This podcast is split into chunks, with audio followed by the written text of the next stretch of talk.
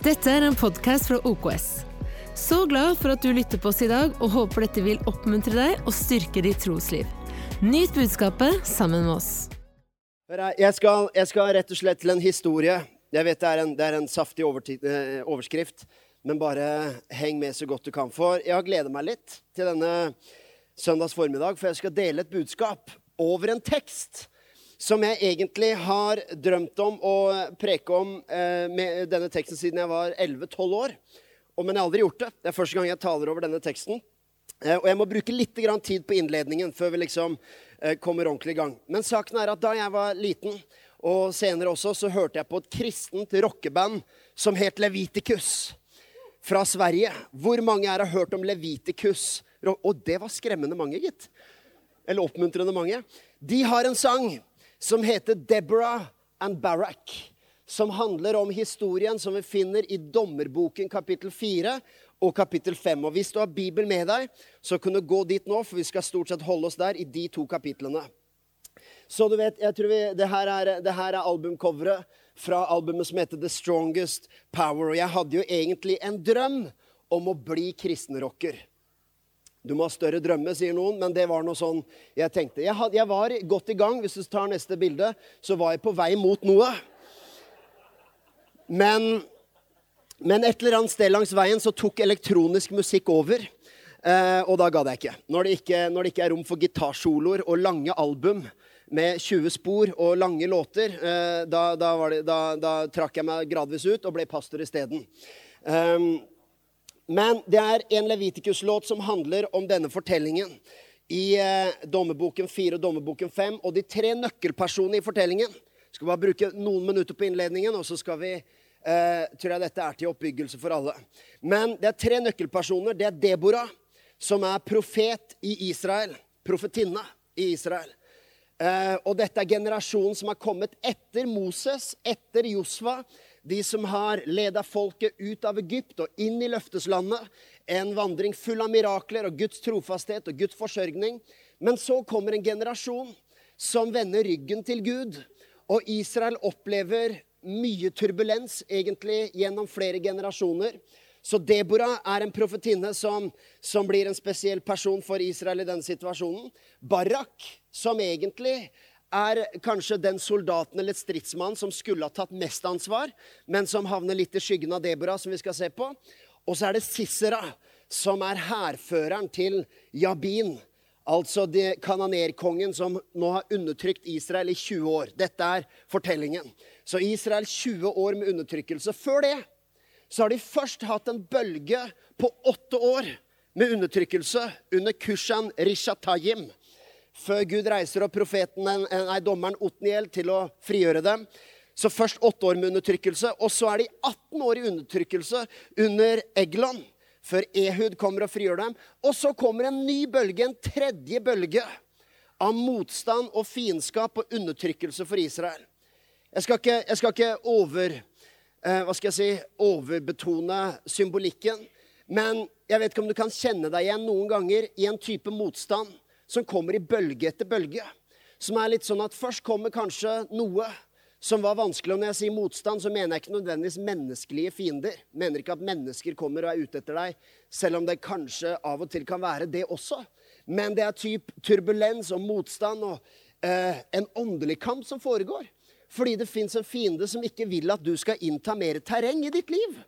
Og jeg vet at Hvis du ikke er vant med å høre sånne ting, så kan, så kan man bli litt sånn skremt av kristen krigsretorikk. Men dette er, en, dette er, ikke en, krigskamp på den måten. Dette handler om dine tanker og din sjel og din fremtid og ditt kall og din hensikt til Gud. Og der er Bibelen klokkeklar på at det fins en fiende som vil stanse deg fra å gå inn i det landskapet og få det utbyttet som du var ment å hente ut. Og i, i de situasjonene så hender det at det kan være noen sånne bølger av vanskeligheter. Det kan være en sjøl en har vanskeligheter med. At krigen er på innsiden. Det er ikke engang noen ekstern fiende. Jeg vet, jeg, jeg, skal, ikke, jeg skal ikke brette ut det i detaljer heller, men folk er vant med å se meg selvfølgelig på en plattform som dette med frimodighet og dele ordet uten unnskyldning. Men samtidig så skal jeg si dette her at det har heller ikke kommet uten litt kamp. Uten at det var en fight der. Uten at det fantes en intern fiende En personlig fiende som ønska å diskvalifisere. Som ønska å frarøve frimodigheten, og det er det fienden som regel vil. Han vil frarøve frimodighet og plante mismot og frykt i stedet for tro og frimodighet. Så selv om av og til så ser vi mennesker i veldig frimodige situasjoner og tenker at ja, de har sikkert alt på stell, men du vet aldri hvilke fiender de har måttet beseire langs veien. Du vet ikke hvilke kamper de har måttet kjempe. Og Israel hadde tre sånne bølger. Og av og til så ser man mennesker som kanskje først har en bølge av vanskeligheter som de overvinner. Så tenker de nå er faren over. Så kommer det en ny bølge som varer enda lenger. Og så kanskje man til og med står igjennom det. Og som om ikke det er nok, så ser man mennesker som da Så kommer det liksom en, enda en runde. Man rister litt på hodet og sier nei, men hvor mye skal dere utsettes for? Enda en runde. Og for Israel sin del så var jo da den tredje runden 20 år lang, så det var den lengste runden av undertrykkelse av eksterne fiender som Israel hadde opplevd i generasjonen etter Moses og Josva. Du vet, eh, Jeg skal lese bibelteksten, men eh, til ære for Levitikus, i honnør til Skandinavias, et av Skandinavias beste kristenrockband gjennom tidene. La oss bare høre en sekvens og vi ser teksten på skjermen, som handler om teksten der Deborah synger sin lovsang og sin proklamasjon og forteller Barak om å være frimodig, om at Gud har gitt Sisera, fienden, i deres hånd. La oss høre på det. Få på med lyden og litt høyt, og hold deg for øra hvis du trenger.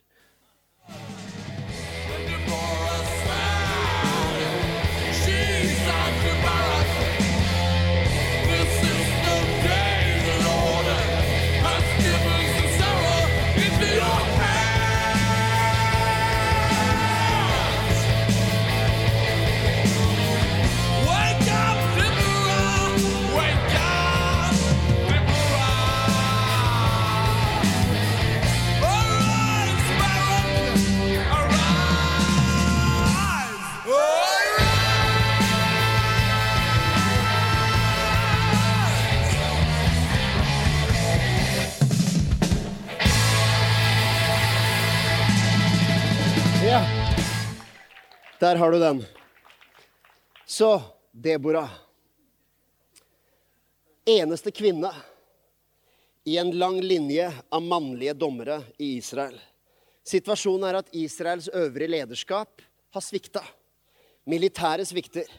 Dette er en av Deborahs egne beskrivelser. for, La meg bare forklare det her. Kapittel fire i dommerboken forteller historien. Kapittel fem er en sang av Deborah som forteller historien på nytt men med litt poetiske ord. Så Dommerboken 4 forteller historien. Dommerboken 5 er Deborahs sang som forteller historien fra A. Dette er en av tingene hun sier i vers 8, Dommerboken 5, 8. Det står at Gud valgte ut nye ledere da det var strid i portene. Men skjold eller spyd var ikke å se blant de 40 000 i Israel. Det som jeg liker med Deborah, for du skal oppdage det etter hvert her, at jeg har skikkelig sans for Deborah. Hun er en råtass. Og hvis du lurer på hvor kommer Jesus inn i bildet her, bare slapp av. Vi er, vi er i Bibelen, er vi ikke det? Eh, og sånne historier kan av og til eh, bli litt kryptiske for oss, men dette er en fantastisk fortelling.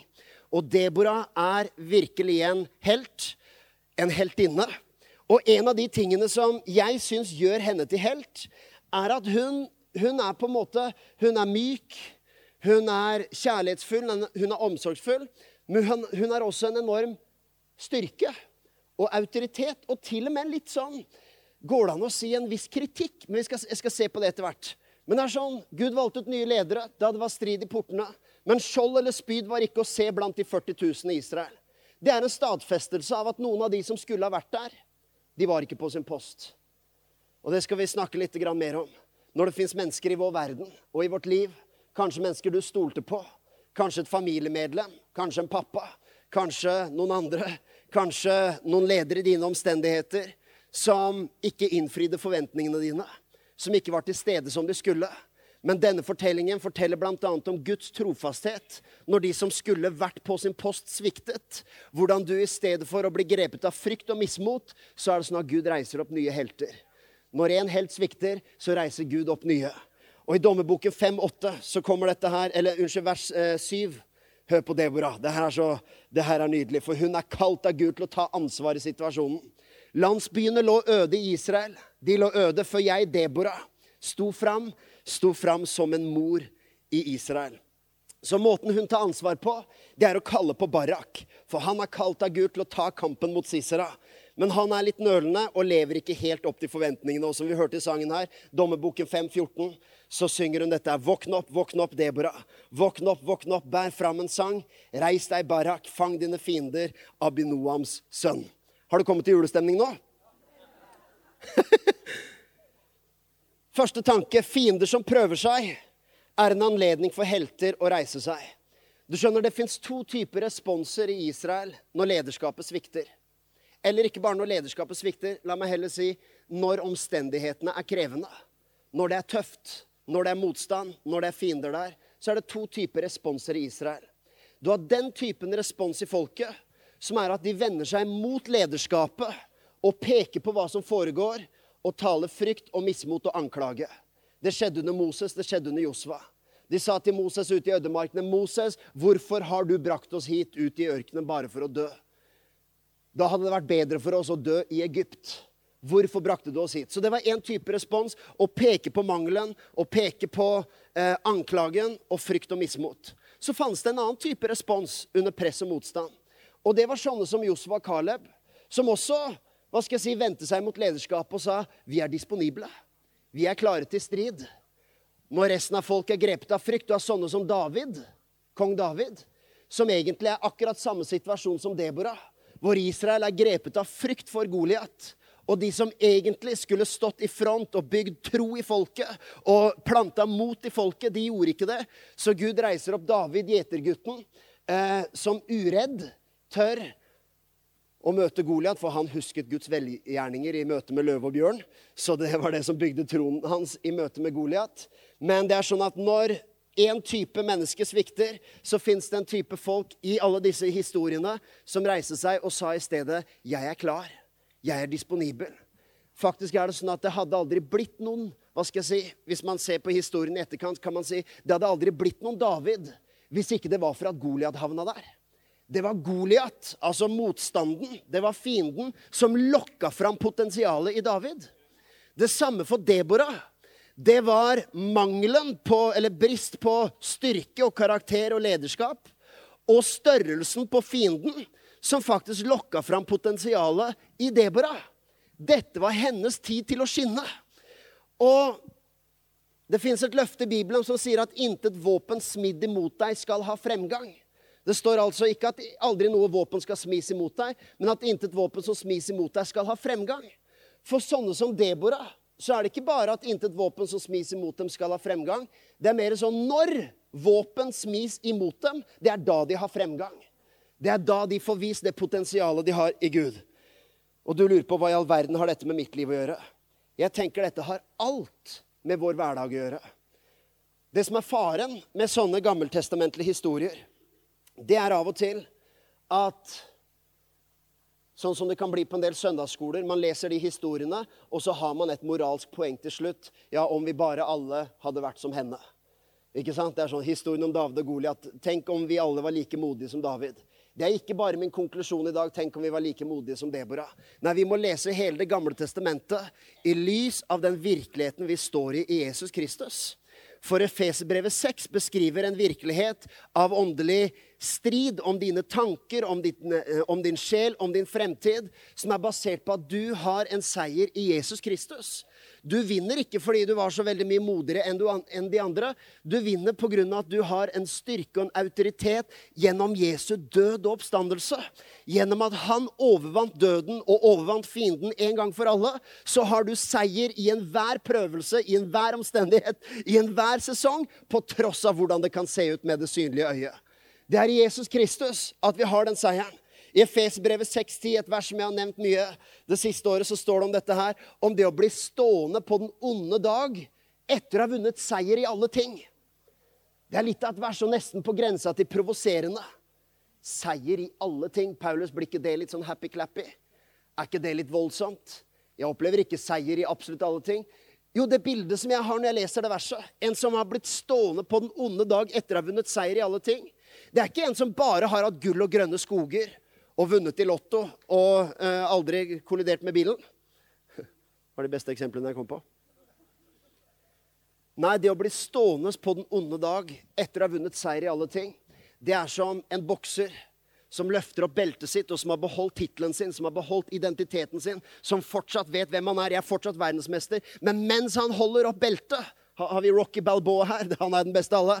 Men du ser, mens han holder opp beltet, hvordan ser han ut? Jo, det er et blått øye.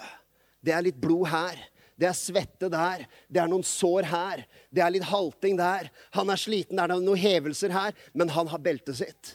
Og jeg mener ikke at du skal bli slått gul og blå. Jeg bare sier at det fins ikke et, li, eh, si, et, liv uten noen som helst slags friksjon eller turbulens. Men vårt løfte i Bibelen er at intet våpen som smis imot oss, skal ha fremgang og få lov å okkupere vår identitet. Det står at vi kan være stående på den onde dag med våre blåmerker, med de feitene vi har gått gjennom. Det som ikke var uten smerte, men jeg har bevart den jeg er i Jesus Kristus. Jeg vet han er trofast, og jeg har ikke mista beltet mitt, identiteten min, i Jesus. Så hva kan vi lære videre av Deborah? Jeg tenker akkurat som Israel, så kan det være like naturlig for oss med en sånn type, en av de to responsene, når noen rundt oss svikter. Jeg vet kanskje ikke dette gjelder alle, men kanskje det gjelder noen. Så vet vi at i tida som vi lever, så, så vet vi at det er ikke gitt at alle familier er funksjonelle sånn som de skal. Og jeg har vokst opp i en herlig familie og har vært veldig velsigna med både mamma og pappa, så jeg vet ikke hvordan det er å vokse opp f.eks. For uten forbilder og uten forsørgere. Men hvis jeg likevel, hvis du kan tilgi meg min manglende forståelse for hva du eventuelt har gått gjennom, så er det en veldig tilsvarende situasjon der hvis man vokser opp i en sånn situasjon der kanskje de som skulle vært der, var ikke til stede. De som skulle ha hva skal jeg si, levd opp til en viss type forventninger som f.eks. som far eller som andre ting. Og hvis du tenker ja, jeg er en av de som svikta, så er dette et nådebudskap til alle du skal få høre her i dag. Men nå snakker jeg spesielt til deg som kanskje har sett ting i dine omstendigheter svikte. Det er ikke sikkert det er fullt så dramatisk heller. Det kan gjelde på hva skal jeg si, eh, på et lavere plan òg. Eller på et hverdagslig plan. Vi snakka om det her om dagen òg, at av og til i vår hverdag med meg og Katrine, så kan det være så enkelt som at du oppdager at den andre har en litt dårlig dag at den andre eh, kanskje har sovet dårlig eller er litt ekstra sliten. Da fins det to typer responser, kjære ekte folk. Den ene responsen er at du kan peke på akkurat det faktum. Og er det ikke herlig når du har en dårlig dag, når noen kommer og spør er du sur i dag, eller? Er ikke det alltid deilig tidspunkt å høre det? Ja, så har du stått opp med feil bein i dag, eller? Og det er litt sånn Ja, jeg har faktisk det, men det la du sikkert merke til allerede. Men det er en type respons som man kan peke på og si at dette er det som mangler. Hva er galt med deg i dag? Hvorfor er du i sånn humør? Enn å merke at når noen andre kanskje brister litt, så er det en anledning å steppe inn. Jeg mener ikke at hver gang det skjer i vår hverdag, så går jeg inn og tenker ja, Katrine, nå bare bærer jeg Deboras ånd og fyller inn for at du er litt trøtt. Men det er faktisk en veldig praktisk ting. Skal jeg nå, skal jeg nå bli furten tilbake? Skal jeg bestemme meg for at ok, Eller kanskje det er motsatt vei. Skal man liksom gjengjelde? Ok, Hvis du henger litt med geipen i dag, da skal jeg henge litt med geipen nå, så kan vi begge ha topp stemning. Eller skal jeg bestemme meg for at nå se at du er kanskje ikke på det sterkeste, men jeg har kanskje overskudd i dag til å fylle tomrommet. Ikke nødvendigvis gjøre meg selv til en helt, men ha litt av Deboras ånd, som sier at jeg trenger ikke å la verken din dagsform eller andres situasjon definere den troen som jeg har for i dag. Tvert imot så kunne jeg gjøre som Deborah og være med å fylle tomrommet der hvor kanskje de som normalt skulle vært der, ikke var der. For dere hvor det kanskje er litt mer alvorlige ting, så har jeg et ord til alle dere Deborah-er. Og dette er ikke nødvendigvis en sak som gjelder kvinner spesielt, men jeg tror også at fortellingen om Deborah har noe å si til kvinner også. Eh, for jeg vet at vi, vi, det fins noen sånne kvinnehelter i Bibelen, men Deborah er for meg virkelig et fantastisk forbilde. Og skal straks se litt mer hvorfor. Men det er også et ord til deg som har vokst opp, eller kanskje har hatt omstendigheter der noen forbilder svikta. Der noen ikke var der sånn som de skulle. Du vet Alle vil forstå hvis du Hva skal jeg si? Kritikk er én ting, men alle vil forstå hvis du peker på dine omstendigheter som årsak til at ting er som de er. Man kan si at 'nei, jeg, jeg har ikke dette her innabords, for jeg hadde ikke en sånn person i livet mitt'. Man kan si det Jeg hører det av og til også fra når man først snakker om kvinnelige forkynner og tjenestegaver, så kan man si at ja, det er vanskeligere for kvinnelige forkynnere, for vi har færre forbilder. Det kan godt hende. For jeg vet at det er mange forbilder å se til, mens noen sier vi har færre forbilder, så det er vanskeligere. Det kan godt hende. Men det er her Deboras ånd angriper det på en annen måte. I stedet for å peke på det er en mangel Og jeg sier ikke at det er feil å, å snakke om det, det er jo det Deborah gjør. På en veldig finurlig måte. Men i stedet for å peke på det, i stedet for å bruke det både som unnskyldning for å ikke være frimodig, eller som forklaring på mismot Nei, jeg har ikke noen grunn til å være frimodig fordi jeg har ikke hatt noen forbilder å se til. Men det er der Deborahs ånd lever i deg gjennom Jesus Kristus. Mellom der hvor du ikke var forbilder, så kaller Gud deg til å faktisk være et forbilde. Og si la, deg, la ingen forakte deg pga. det ene eller, eh, eller, det andre, men vær et forbilde for de troende. Jeg har et ord til alle Deboraer. Å velge ansvar og tro i stedet for kritikk og mismot.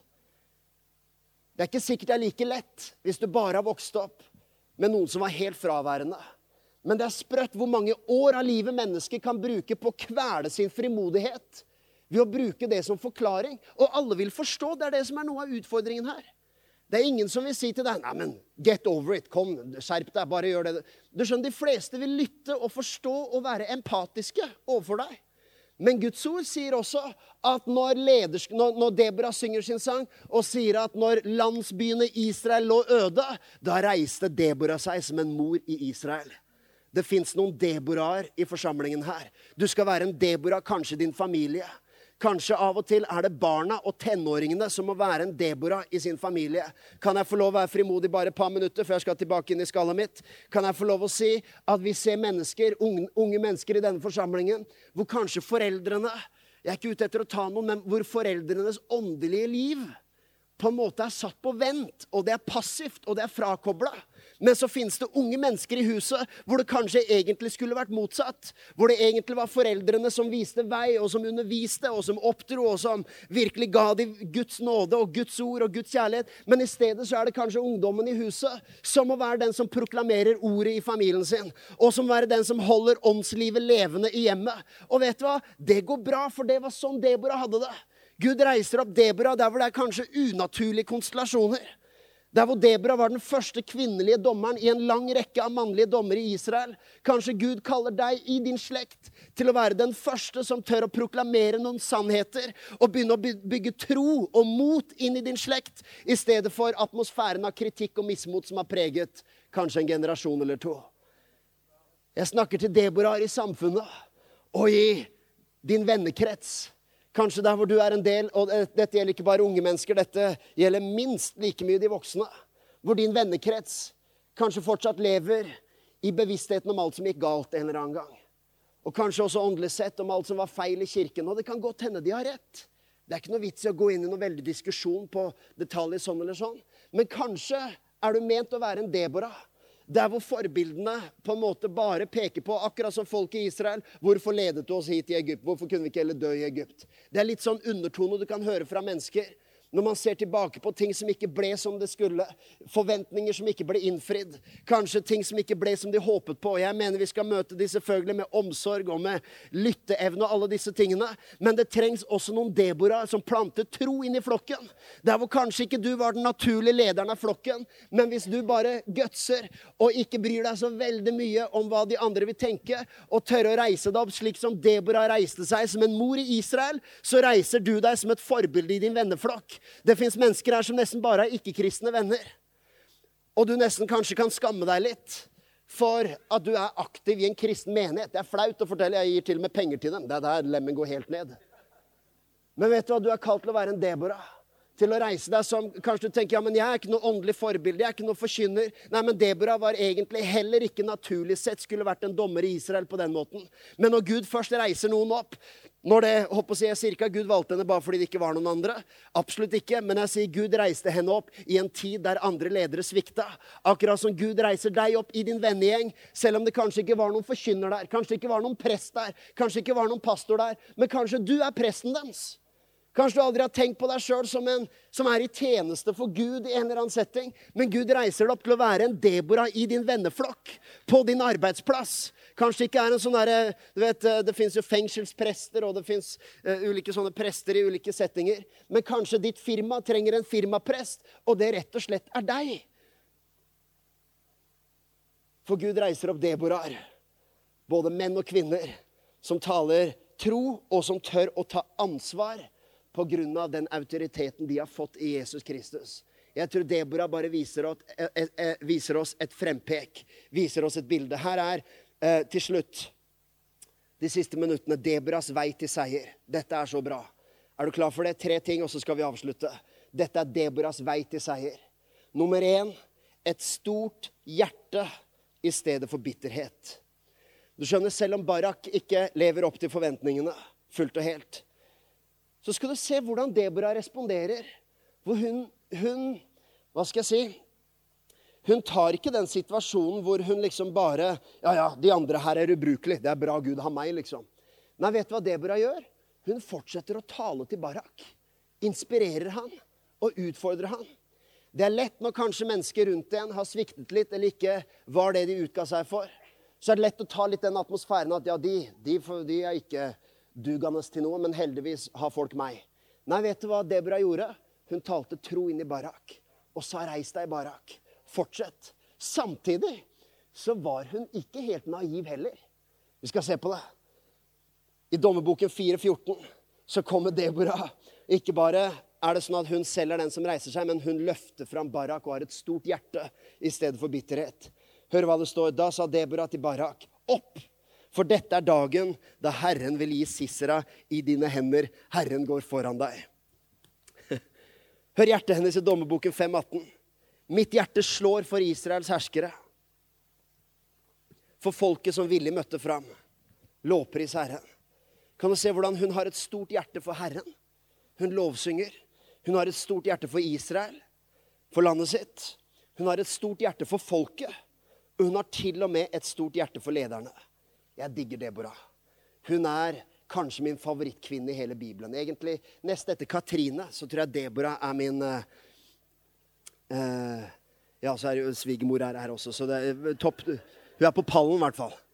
Og så var det moderen òg. Så vi, vi, er, vi, sier Deborah er topp ti. Hun har fått worldcuppoeng. Men det som er så nydelig med Deborah, er for det første så er hennes feminine side er veldig synlig med hennes omsorg, hennes tålmodighet og dette store hjertet for Israel og for mennesker. Så det er helt klart til stede. Og hun unngikk å stagnere sitt eget potensial bare i kritikken av Israels ledere. Er ikke det trist med mennesker som egentlig det bor masse i, men det er som om potensialet deres stopper opp i kritikken? Det er som om det nesten blir kallet deres. Blir på en måte at 'jeg har oppdaget hva som er feil'. Og det kan godt hende du har gjort, og det kan godt hende som Deborah at du til og med skal si noe om det. Men ikke stans der. For Deborah tør å si noe om det. Det er det jeg liker med at hun har den feminine siden. Men så har hun også vanvittig mot. Og tør å, tør å stå der som eneste kvinne i denne rekken av dommere og si at vel, det var strid ved portene, men skjold eller våpen var ikke å se i Israel. Det er en ganske klar hva skal jeg si, statement fra Deborah om at noe er ikke som det skal. Men det er så trist med mennesker som stanser der. Noe er ikke som det skal, og så blei det der. Da er det nydelig med mennesker som Deborah, som ser problemet, og som stepper inn og sier, 'Men jeg skal stå fram som en mor i Israel'. Ikke la ditt potensial stanse ved kritikken av de menneskene som sviktet deg. Men vær som Deborah og la også denne feminine siden av tilgivelse, av nåde Hun unngikk å kjøre sololøp. Hun unngikk å opphøye egen heltestatus på en sånn måte at hun ikke liksom ville samarbeide. Nei, hun fortsatte å inspirere Barak. Fortsatte å løfte han opp. Og så reis deg opp. For meg er det en påminnelse også, som Bibelen sier om at vår kamp Husk dette. Er ikke mot kjøtt og blod, står det. Den kan du faktisk tygge lenge på når du står i ulike turbulenser. Vår kamp er ikke mot kjøtt og blod. Hva betyr det? Jo, det betyr at uansett hvilke utfordringer du har møtt på i livet, hvilke kanskje situasjoner akkurat nå, kanskje også mennesker som har opplevd langt alvorligere ting enn de eksemplene jeg har nevnt, folk som også har opplevd hva skal jeg si, undertrykkelse på ulike nivå. Så står det at vår kamp er ikke mot kjøtt og blod. Det betyr at selv når fienden er representert med enkeltpersoner, når det er mennesker som har prøvd å kvele potensialet vårt, mennesker som kanskje også har brukt deg på en måte som, som satte spor i livet, som ikke var positive i det hele tatt Til syvende og sist, i din åndelige kamp, så er ikke kampen mot de menneskene. Det er egentlig ikke sånn at måten Gud gjenoppretter deg, er ved å straffe de menneskene. Nei, vet du hva? Måten Gud gjenoppretter deg, er gjennom Jesus Kristus og den ånd du har fått i Han. Gjennom seier på Golgata. Gjennom å bli stående på den onde dag. Kanskje er blåmerket der fra det den personen gjorde mot deg. Kanskje er fortsatt arrene der fra det som skjedde den gangen. Men vet du hva? I Jesus Kristus så har jeg autoritet, jeg har styrke, og det er der kampen står. Kampen er ikke mot kjøtt og blod. Enda så frustrert man kan bli på mennesker noen, noen ganger, så er faktisk den åndelige kampen i ditt liv er ikke mot dem. Den er ikke mot individene. Nei, seieren den skjer på innsiden av deg fordi du har troens skjold, som hjelper deg å avansere selv når det kommer piler i din vei, og slukke alle den ondes brennende piler. Du har rettferdighetens brynje som beskytter hjertet ditt, og som bevarer deg i alle sesonger. Du har, du har troens hjelm, som også beskytter tankene dine. Unnskyld, hva, hva, hva er det hjelmen står for igjen? Uansett, hvor hjelmen beskytter sinnet ditt og tankene dine. Du skjønner, Kampen er ikke mot menneskene som har prøvd å ødelegge sinnet ditt. Kampen er gjennom å stå fast i Guds ord og de løftene som er for et fornya sinn. Den beste måten du sier adda badda til fienden, er ikke ved å leve i bitterhet og anklage mot de som ødela, men det er å si adda badda. Jeg har tittelbeltet mitt, samme hvor mange slag jeg fikk. Det er autoriteten du har i Jesus Kristus. Det neste om Deborah, nummer to av tre. Hun forveksler ikke ydmykhet med svakhet. Er ikke det nydelig? For hun er nådefull, og hun er omsorgsfull, men det er litt av en autoritet og styrke som er der også. Du skjønner? Du trenger den miksen, både menn og kvinner, men også kvinner her som, som virkelig vil gå i Deboras ånd i Jesus Kristus. Kan jeg få lov å si en ting? At Deboras ånd, den er ydmyk. Den har sin feminine side. Den er omsorgsfull, den har et stort hjerte som banker. Men vet du hva? Den har også en viss tydelighet i seg. Den tar ikke hva som helst. Av og til i kristen sammenheng Jeg vet det er litt dramatisk eksempel på tampen, men vi har sett dette her litt på nært hold i ett og annet tilfelle. Heldigvis ikke så mange. Men der hvor kristne kvinner, som også kanskje opplever eh, typ misbruk av, i hjemmet av ektefellen sin Jeg vet det kan gå begge veier osv., men, men la oss nå ta det eksempelet. Der tanken om nåde og tilgivelse jeg, jeg må jo tilgi han går så dypt at man lar gjerningsmannen få lov å fortsette å undertrykke.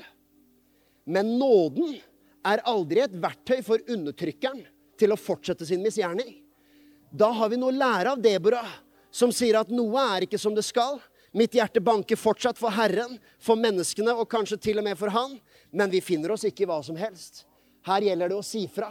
Her gjelder det å ha autoritet og styrke og faktisk distansere seg fra det du må distansere deg fra. Jeg, jeg vet at i den moderne forkynnelsen, ta f.eks. moderne lovsanger, som er kanonbra alle sammen, stort sett, mange av dem. Men har du lagt merke til at det er utrolig mye tekster som omhandler fred, kjærlighet, Guds nåde, Guds godhet, og alt det er bra. Men hvis du spoler noen år tilbake, så, så kanskje, kanskje, er det en dimensjon også som vi, som vi, nesten ikke tør å proklamere så mye lenger, som går på den styrken vi har i Jesus Kristus. For jeg vet ikke hva grunnen er, om vi føler at det er kleint, eller fordi vi er flaue hvis det er utenfra folk, eller hva det er. Men det er viktig å skjønne at Deborahs ånd er jo bare den ånden Jesus hadde.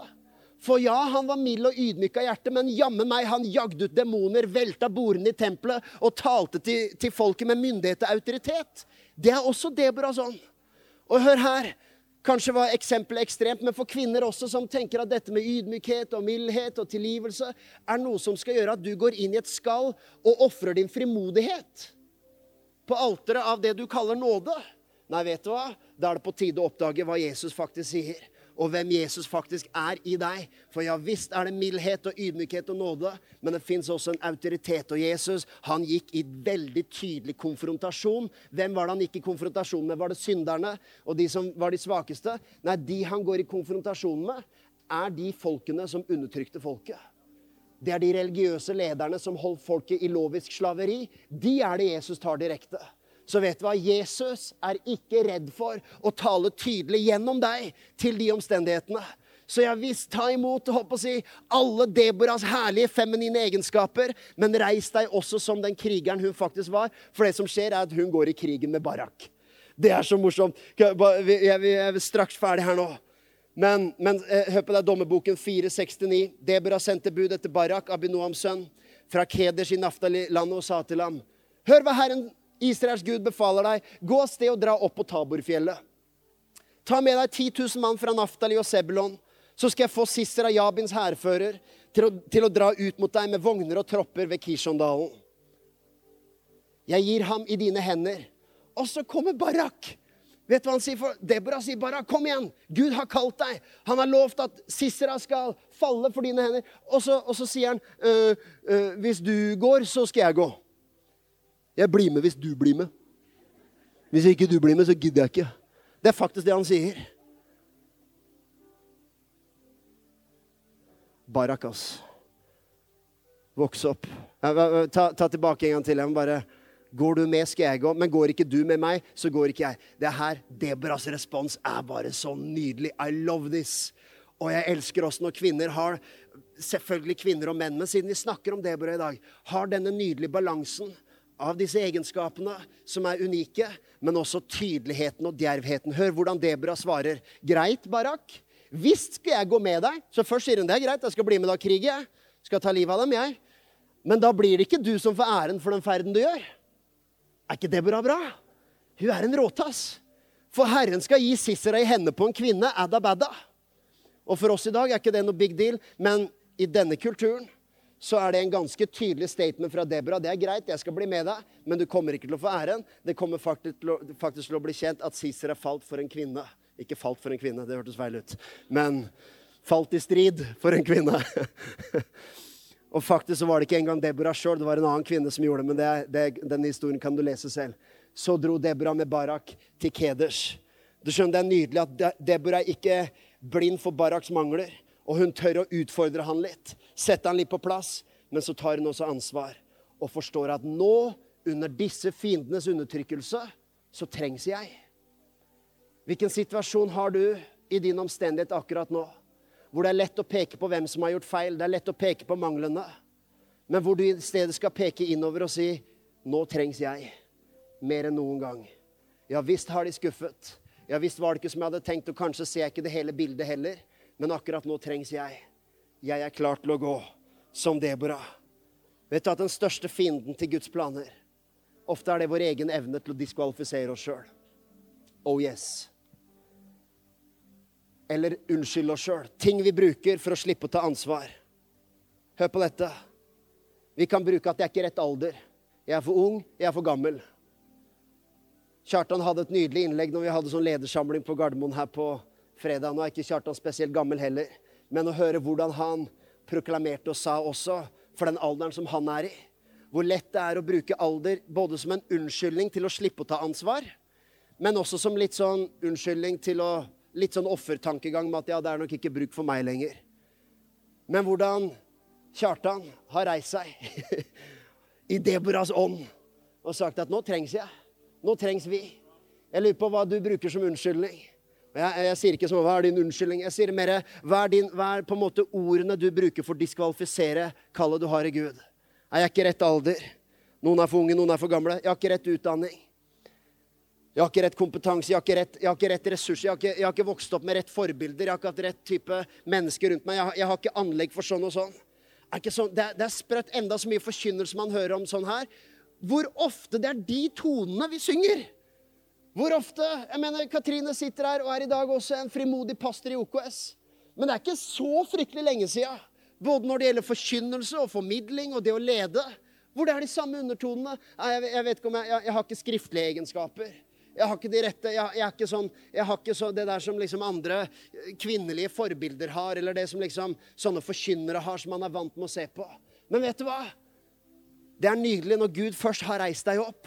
Så er det ett fett hvem som var dommer før deg, og hvem som var dommer etter deg, og om Barak innfridde eller ikke innfridde. For Gud har kalt deg.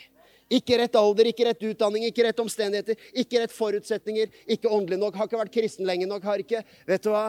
Gud har kalt deg til å legge bort unnskyldningene og til å legge bort forklaringene som både gjør deg til et offer, men som også gjør at du kan slippe litt unna. Nei, vet du hva?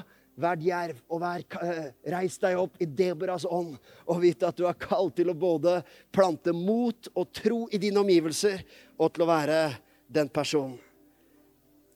Den siste var også lovsang og bekjennelse. Jeg skal ikke si mer enn det, bare lese det verset. Dommeboken 5.3. Hør dere konger, lytt dere fyrster. Jeg vil synge, synge for Herren, spille for Herren, Israels Gud. Det er fantastisk at Debora Man kan lure på hvem er det hun synger til. Hvem er det Debora synger til? Er det eh, Kongen og fyrstene lytter de akkurat nå, eller hører de på sangen? Det kan godt hende de gjorde. Men hun synger jo som en bekjennelse til seg selv og til omgivelsene, og kanskje også til kongen og fyrstene. Du skjønner, du må gå hjem og lese hele Dommerboken 5, så kan du se noe av kraften i lovsang. Lytt dere konger, lytt dere fyrster. Jeg vil synge, synge for Herren. Vet, vi, vi, tror på gudsentrert lovsang, ikke sant? som er sentrert på Gud. Men det er nydelig at Deborahs lovsang den tar med seg sjøl litt òg. Jeg reiste meg som en mor i Israel. Det er en fin lovsangstekst. Vi skal ha flere tekster her nå som handler om Thomas. Vi løfter opp Nei, uff. Nei, men vet du hva du kan gjøre? Du kan ha din egen lovsang og din egen bekjennelse, der du tør å flette inn ditt eget navn. For, jo, men det blir ikke det klær, skal ikke bare, det er Gud, så, Jo, men vet du hva? Det å begynne å flette inn ditt eget navn i det som gjelder Guds løfter, det er nesten som om det utfordrer ditt eget sinn. Hvis det er utfordrende å flette inn ditt eget navn når du synger Guds løfter, så er det bare et bevis på at løftene har ikke trengt gjennom sinnet ditt. Hvis det er flaut å synge 'Alle Guds løfter, det gjelder meg', det gjelder Thomas. Thomas mangler ingenting. Herren er Thomas sin hyrde. Hvis det føles kleint å si det, så er det fordi de har ikke trengt gjennom og blitt 100% naturlig å stole på Guds ord. Så flett i navnet ditt. La sang og lovsang og tilbedelse være det mektigste redskapet du har, også i motstand. Også når Barak har sviktet. Også når lederskapet rundt deg ikke var det som de kanskje utga seg for å være. Så fins det noe i deg som skal lovsynge og proklamere tro. Og flett gjerne inn ditt eget navn, og ha frimodighet til å være den Gud har kalt deg til. I Jesu navn. Amen. Amen. Takk for at du tok deg tid til å lytte på en av våre podcaster fra OKS. Vår visjon er å bringe Jesus til mennesker i vår verden, og mennesker i vår verden til Jesus. Følg oss ellers på vår YouTube-kanal og sosiale medier. Du er velkommen til å besøke en av våre kirker. For mer informasjon, sjekk ut oks.no.